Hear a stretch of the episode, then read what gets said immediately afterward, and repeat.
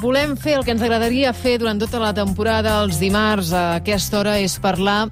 Anàvem a dir de tecnologia, però no és tecnologia. No és, només. No només. És molt més que tecnologia. És la societat digital. Quan eh, aquest estiu amb en eh, Genís eh, Roca... Bon dia, Genís. Bon dia. Parlàvem de, ostres, com, com abordem això? Com, com integrem la tecnologia en les nostres vides? Com ho integrem de cara a, a l'audiència de, de Catalunya Ràdio? Com ho fem això? I ell em deia, és que no és tecnologia, és que és societat digital, és que va més enllà tot això. Sí, hi ha noves maneres de fer. Aquesta tecnologia està modificant conductes socials, està modificant models de negoci,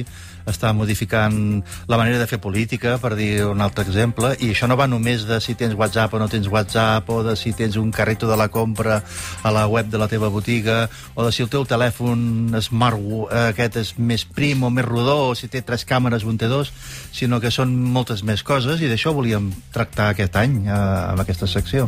La societat digital que va més enllà de les xarxes socials, que és el que molts de nosaltres eh, relacionem directament amb aquest concepte. Eh, es tracta de tecnologia, de dades, d'informació, de gestió empresarial, de comunicacions, qualsevol aspecte de la nostra vida que està evolucionant i que, per tant, no deixa de fer-ho. Cada dimarts, per tant, a les 11, el que farem és saludar aquest eh, segle XXI, que dius que ja ha passat una cinquena part. Dius que pels números sóc fatal, però Sí, una cinquena part... és 2020, molt, no, eh? ens hem polit ja, com que diu, un quart de segle. Fins ara aquesta idea de, del segle XXI ens projectava una imatge d'un futur i d'un futur probablement millor, del progrés. El segle XXI era com parlar de ja veuràs, ja veuràs quan arribi el segle XXI. Ostres, ja hi som. Ja l'estem cremant. Ja l'estem ja l'estem cremant. I, I el que moltes coses a la nostra realitat són una miqueta decepcionants. Uh, uh, no, aquest segle XXI sembla que no hagi arribat, aquesta, es- aquesta esperança o aquesta promesa sembla que no hagi arribat, i en, i en, i en aquest espai que, que, que, podré, que, que compartim uh, uh, els, els dimarts el que volem dir és que i tant que tenim el segle XXI aquí a casa i tenim protagonistes de que estan treballant ja en aquest segle XXI en el nostre dia a dia aquí a casa nostra, que estan fent coses i els volem, els volem convidar que ens expliquin com estan treballant ja en aquest segle XXI a casa nostra. I ara de seguida ens presentaràs eh, el primer convidat, però abans, ara que parlàvem de números i que tu se't donen molt bé i a mi no, t'he de demanar un número per l'Enigmàrius, de l'1 al 1818. 1104. 1104.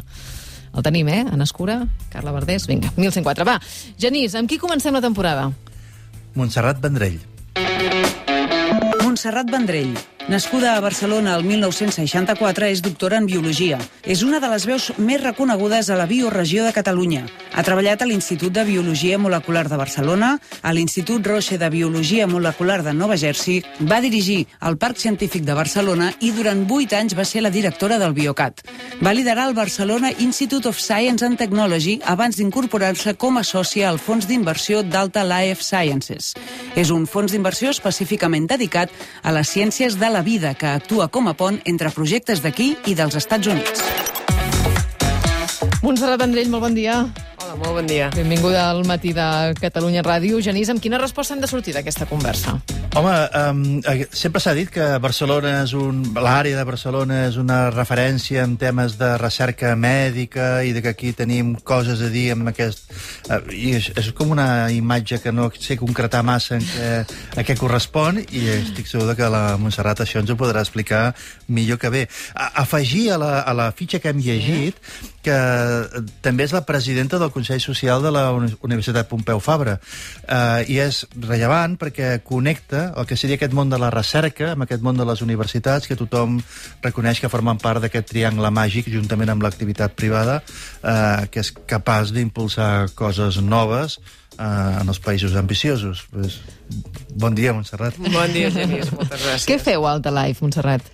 Doncs mira, Alta Life Sciences és un fons, com heu dit, especialitzat en l'àmbit de salut i el que fem és eh, identificar projectes nous disruptius que estiguin desenvolupant solucions a necessitats que no, no estiguin cobertes en l'àmbit de salut, no? que estiguin desenvolupant un nou fàrmac, una nova tecnologia mèdica o noves solucions en l'àmbit de la salut digital, que avui parlàveu, no? de, de, del món digital, que el, després ho comentarem, suposo, no? en l'àmbit de salut, doncs està canviant totalment com ens adrecem a donar, buscar solucions a salut. Per tant, des d'Alta Life Sciences som un grup de- d'experts en el sector que identifiquem startups, petites empreses o projectes que encara no s'han constituït com a empresa que estiguin desenvolupant project, eh, projectes nous en l'àmbit de fàrmacs, com he dit, dispositius mèdics o salut digital, invertim en aquests projectes i alhora doncs, eh, acompanyem l'empresa des del Consell, acompanyant l'emprenedor, buscant, assessorant-los i donant-los el, el, el context de sector, de manera que podem fer aquest projecte competitiu i portar la solució de la recerca al mercat.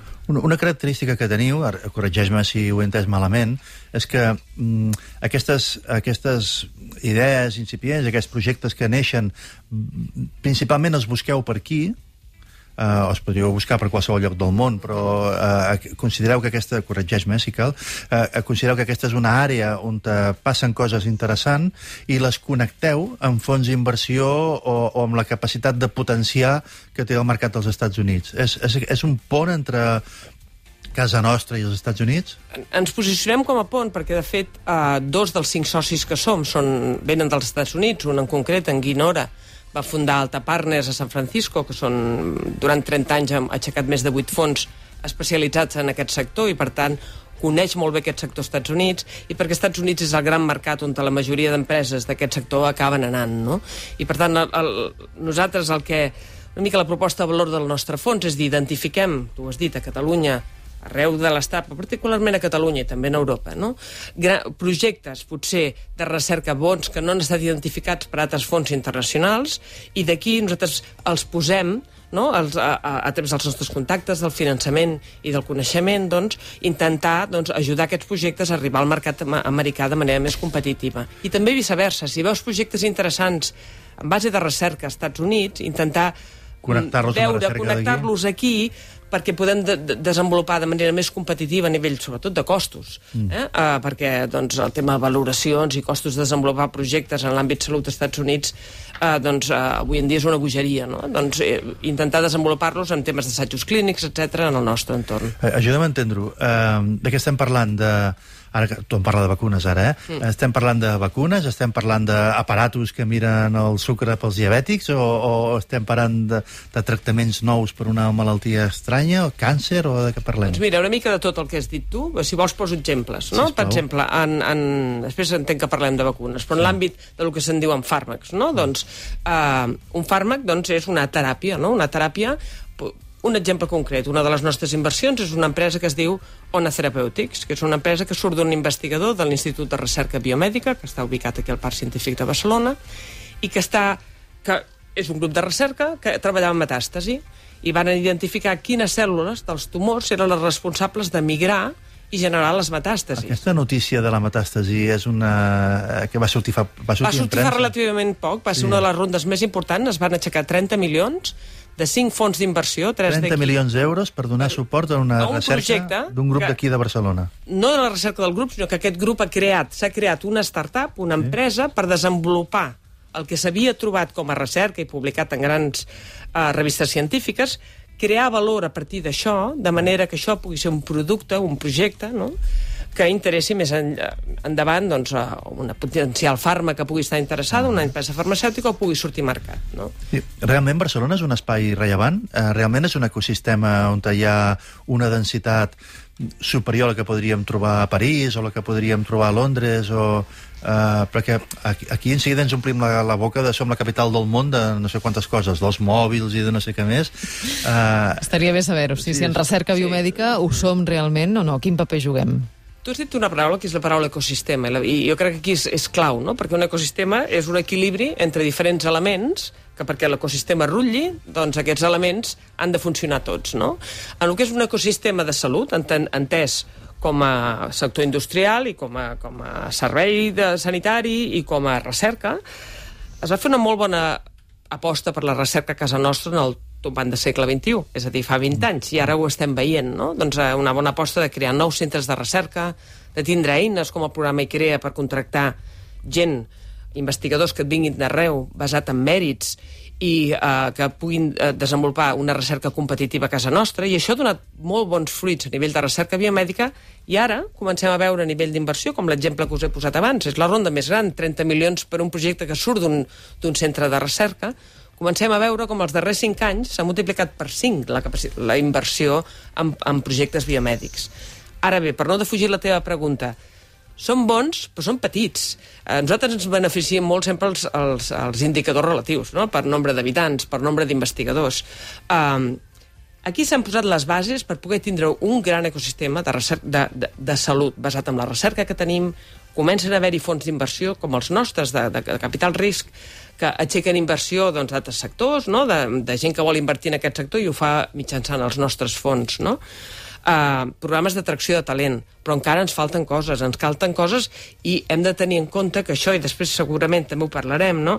ha d'haver una aposta sostinguda una aposta sostinguda tu, per la recerca, no? a través de, de, de diferents legislatures, eh, d'incentivar també la inversió privada, i per tant hem fet unes bones passes, tenim uns bons ingredients, però no ho hem de, de discontinuar. Uh, deixa'm que, que encarrili la conversa cap al tema més d'actualitat. Ara sí. fèieu referència a la, la vacuna contra el coronavirus, és el tema uh -huh. del que segurament tothom n'estigui més pendent. Per què és tan difícil aconseguir-la, Montserrat? Mira, desenvolupar un fàrmac o una vacuna eh, és un procés molt llarg. Per què? Doncs perquè inicialment has de encertar amb l'aproximació que fas i doncs, hi ha entitats o empreses que estan desenvolupant eh, vacunes basades en el DNA o basades en l'RNA o basades en la proteïna. Un cop tu tens la teva aproximació validada in vitro, tu això has d'entrada de, produir-ho en escala, és a dir, fer-ho gran, veure que realment se't, se't mantenen aquestes uh, qualitats, però sobretot començar-ho a tractar amb animals per veure la seva seguretat, perquè abans de veure que és eficaç, òbviament has de veure que és segur, i en el cas d'una vacuna, per veure l'eficàcia has d'esperar temps, has de veure que realment allò protegeix, i has de tindre grups que no hi ha seqüeles a cap d'un mes. No, exacte, o, de... o que, que, que tu estàs uh, vacunant població sana una N de població suficient per tenir un grup control i un grup és a dir, un grup al qual no li dones la vacuna i un grup al qual li dones la vacuna i veure què passa en aquests grups i si estadísticament el que té la vacuna s'infecta menys, però aquella gent s'ha d'infectar i per tant ha d'haver-hi la pandèmia en auge i ha d'haver-hi uh, un temps per veure que realment la resposta immune que tu sí que pots detectar, sigui la persona que tu has vacunat eh, genera anticossos, és eficaç i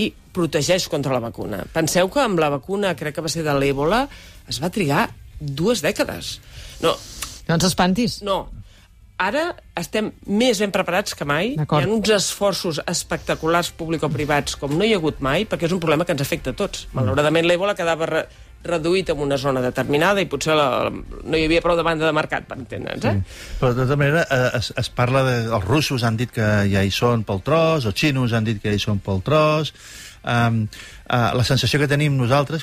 Uh, tu, tu m'ho uh mhm. -huh. confirmaràs, és, és perquè no estan siguent tots els escrupulosos que caldria i que volen Totalment. córrer més al compte uh -huh. i que en lloc de fer aquest, aquesta prova prèvia durant un mes, doncs la fan durant una setmaneta, i, o, no sé, val? Que, que no és tot el rigor. Però a part d'això, eh, es parla del grup d'Oxford, es parla del grup de, no sé què, AstraZeneca, això és mateix. És el mateix, no? sí. És el mateix. Sí, sí. Eh, és com si hi haguessin, a més a més a diferents nivells de rigor, és com si hi haguessin diferents eh, propostes metodològiques o diferents línies d'investigació, no? Sí, hi ha diferents aproximacions, i és bo que n'hi hagi, perquè no sabem quina, quina és la que funcionarà. Com deia abans, no? Eh, hi ha entitats que estan treballant des de fer vacunes eh, basades amb el, amb el DNA, no? del DNA del, del virus injectat, o basades en l'RNA, i aquestes, doncs, per exemple, la, la, aquesta empresa americana Moderna, doncs, que sí. se n'ha parlat bastant perquè va força avançada, o els mateixos de Pfizer, eh, estan seguint aquesta aproximació. Els d'Oxford i AstraZeneca, per exemple, estan seguint una altra aproximació que és eh, crear la vacuna agafant un virus que fa de vector, és a dir, de vehicle, i a dintre li poses un trosset del de, que necessites que transporti... Del, del DNA del nostre, diguéssim, del, del, del, del, del coronavirus, no? I esperes a veure quin, quin tipus de, de, de resposta això genera. No? Ets optimista? Mira, hem de ser optimistes perquè ah, sí, ja, no hi ha hagut en el passat, com deia, eh, aquest nivell d'esforços i la tecnologia s'ha desenvol desenvolupat amb uns nivells que abans no teníem cap mena d'informació, moltes coses que ara avui sabem. Soc optimista, però sóc realista. I, per tant, jo aquestes promeses de que en un mes tindrem la vacuna, una cosa és que tinc... Crec, primer, que és molt bo que hi hagi diferents aproximacions perquè veurem diferents res resultats i una sola vacuna no podrà donar resposta a tothom. Segurament se'n tractaran, n'existiran diferents en el mercat. Un altre gran repte, un cop l'hàgim trobat, és com això es fabrica. amb les quantitats necessàries per vacunar tothom. És que És cert que... eh, com es distribueix de manera és una pandèmia mundial, no? Això és un repte. a tot el món. Eh? Aquests, mm. Vol dir que aquests reptes s'estan adreçant des de consorcis público-privats, la Fundació Bill Gates, hi ha la plataforma aquesta Gavi, que, que, que, que vetlla perquè les vacunes arribin a tot el món. A mi- a mi el que, em, el, que em va, el, que va, el que em van explicar, o jo vaig creure entendre, era que eh, a la península ibèrica, a tot el territori espanyol, no existeix la capacitat de produir aquest tipus de vacunes. Vull dir que quan algun laboratori descobreixi la, la combinació fabulosa que, que permet vacunar, eh, la capacitat de producció no la tenim i que, per tant, haurem d'anar a encarregar a un altre lloc i aquest altre lloc haurà de fer els 100 milions de dosis del seu territori més els 100 milions de dosis del nostre territori, uh -huh. més el, jo és que eh, hi haurà un bus, hi haurà una cua, i que no és una cosa fàcil de produir, que això té, té la seva gràcia. És obvi que aquí hi haurà, ja, ja n'hi està havent-hi, no? pactes, etc compra- geopolítics, perquè això sí. té molt a veure, amb, amb, òbviament, amb, amb el territori. Cada una, cada vacuna és, és diferent, eh? És a dir, si és una vacuna de virus, sí que ha, és un repte important com escales això i com fabriques molts, molts virus, necessites un tipus d'infraestructures que no en tenim suficients amb la dimensió i la qualitat suficient, diguem-ho així. Mm. En canvi, doncs, vacunes doncs, de DNA o RNA és més fàcil sintetitzar, no? Uh, jo crec per això que, que aquesta pandèmia ha posat de manifest eh, que, que, que ha d'haver-hi pactes público-privats i per sobre de fronteres. I està havent-n'hi, no? Fins i tot molts estats estan avançant finançament perquè es comenci a produir la vacuna encara abans encara de no saber saps- que funciona. Sí. Però almenys guanyes tot aquest temps i algú ha d'assumir aquest risc i ha de ser doncs, el sector públic assu- assumeixi aquest risc. No? Per tant, s'estan avançant eh, en alguns països, tu has dit, Rússia, Xina, el que ens arriba és, òbviament, no s'ha fet amb una rigorositat, eh, no s'ha esperat a veure quin tipus d'efectes de, de, secundaris o d'eficàcia es genera, però eh, s'estan en, en, en, bon camí, eh, però és un repte important i hem, hem de, hem de ser-ne conscients. I per acabar, eh, en tot aquest context, nosaltres som un espai de- d'un ecosistema biomèdic, etc. el món està preocupat per aquestes coses. En, amb tot això nosaltres hi pintarem alguna cosa? O, o, o el nostre tema és un altre? Bona pregunta. Quan dius nosaltres, què vols dir, Catalunya? L'ecosistema català. L'ecosistema català hi jugarà un paper, perquè té ingredients que el fan significatiu i el fan, i el fan diferencial. No? Hem parlat de la bona recerca mèdica, però tenim uns hospitals molt competitius que fan assajos clínics a, Cat- a Catalunya i bueno, l'Estat és, és el tercer país d'Europa a nivell d'assajos clínics que fan les empreses, que és les proves en humans. Ja ho estem veient aquests dies que es faran mm. proves en humans arreu de l'Estat. Catalunya està dins dels 10 primers, també. Per tant, tenim molt bons hospitals, molt bon sector digital, tecnològic, que això no n'hem tingut temps de parlar, però la confluència del sector digital amb el sector salut és un sector emergent d'una rellevància molt important i, per tant, la resposta és si seguim apostant per la recerca i afavorint la feina que fan els nostres emprenedors, tindrem un paper per jugar. Haurem de convidar un altre dia la Montserrat Vendrell per acabar de rematar la conversa. Sembla Veu? que en el No? segle XXI a la nostra agenda hi ha d'haver-hi eh, biomedicina. No? Sembla, sembla bastant evident. Montserrat Vendrell, moltíssimes gràcies Moltes gràcies per a haver-nos acompanyat. Genís. Roca, fins la setmana vinent. Ens veiem la setmana que ve.